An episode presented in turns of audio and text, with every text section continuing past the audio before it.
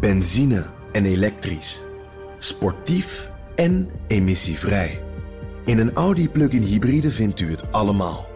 Ervaar de A6, Q5, Q7 en Q8 standaard met quattro vierwielaandrijving. Wat u ook zoekt, u vindt het in een Audi. Audi. Voorsprong door techniek. De column van Bernard Hammelburg. Door de moord op journalist Khashoggi staan de schijnwerpers opnieuw op de enorme westerse wapenexport naar Saoedi-Arabië. Niels Klarenbeek stelde de volgende vragen. Vraag 1.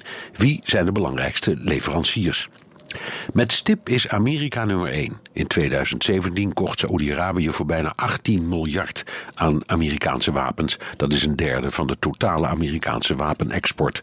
Het Verenigd Koninkrijk verkocht in 2017 1,5 miljard. Frankrijk ruim 600 miljoen. Duitsland zo'n 250 miljoen. Duitsland heeft de export trouwens door de affaire Khashoggi stopgezet. Vraag 2. Wat moeten de Saoedi's met zoveel wapens? Ze beschouwen zichzelf in toenemende mate als regionale supermacht. De belangrijkste vijand is in Soenitische Saoedische ogen het Sjiitische Iran. Irak met zijn Sjiitische meerderheid wordt ook als vijand gezien, evenals de Alewitische Syriër Assad. Hetzelfde geldt voor de Houthis in Jemen, tegen wie ze een meedogenloze oorlog voeren. Maar ook in het Soenitische buurstaatje Bahrein, waar de Saoedische krijgsmacht in 2011 een Sjiitische opstand neersloeg. Vraag 3. De westerse regeringen wisten toch al lang voor de moord op Khashoggi dat Saoedi-Arabië een brute dictatuur is. Zeker, maar het gaat om veel geld en veel werkgelegenheid.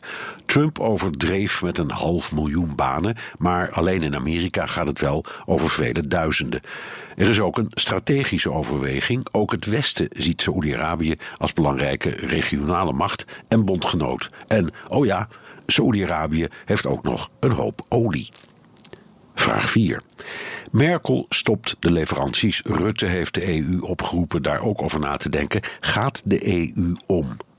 Nee, ik zie Frankrijk en het Verenigd Koninkrijk echt niet stoppen met deze lucratieve en volgens hen strategisch belangrijke export. Het gaat bovendien vooral om Amerika.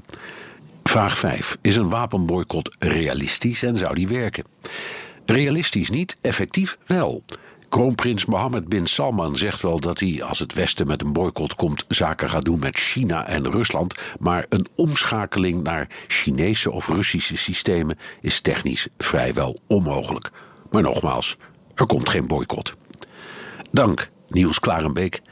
In de wereld volgens Hammelburg beantwoord ik elke zaterdag vijf vragen over een internationaal thema. Hebt u een onderwerp? Stuur dan een tweet naar @bnr of mail naar onlineredactie@bnr.nl.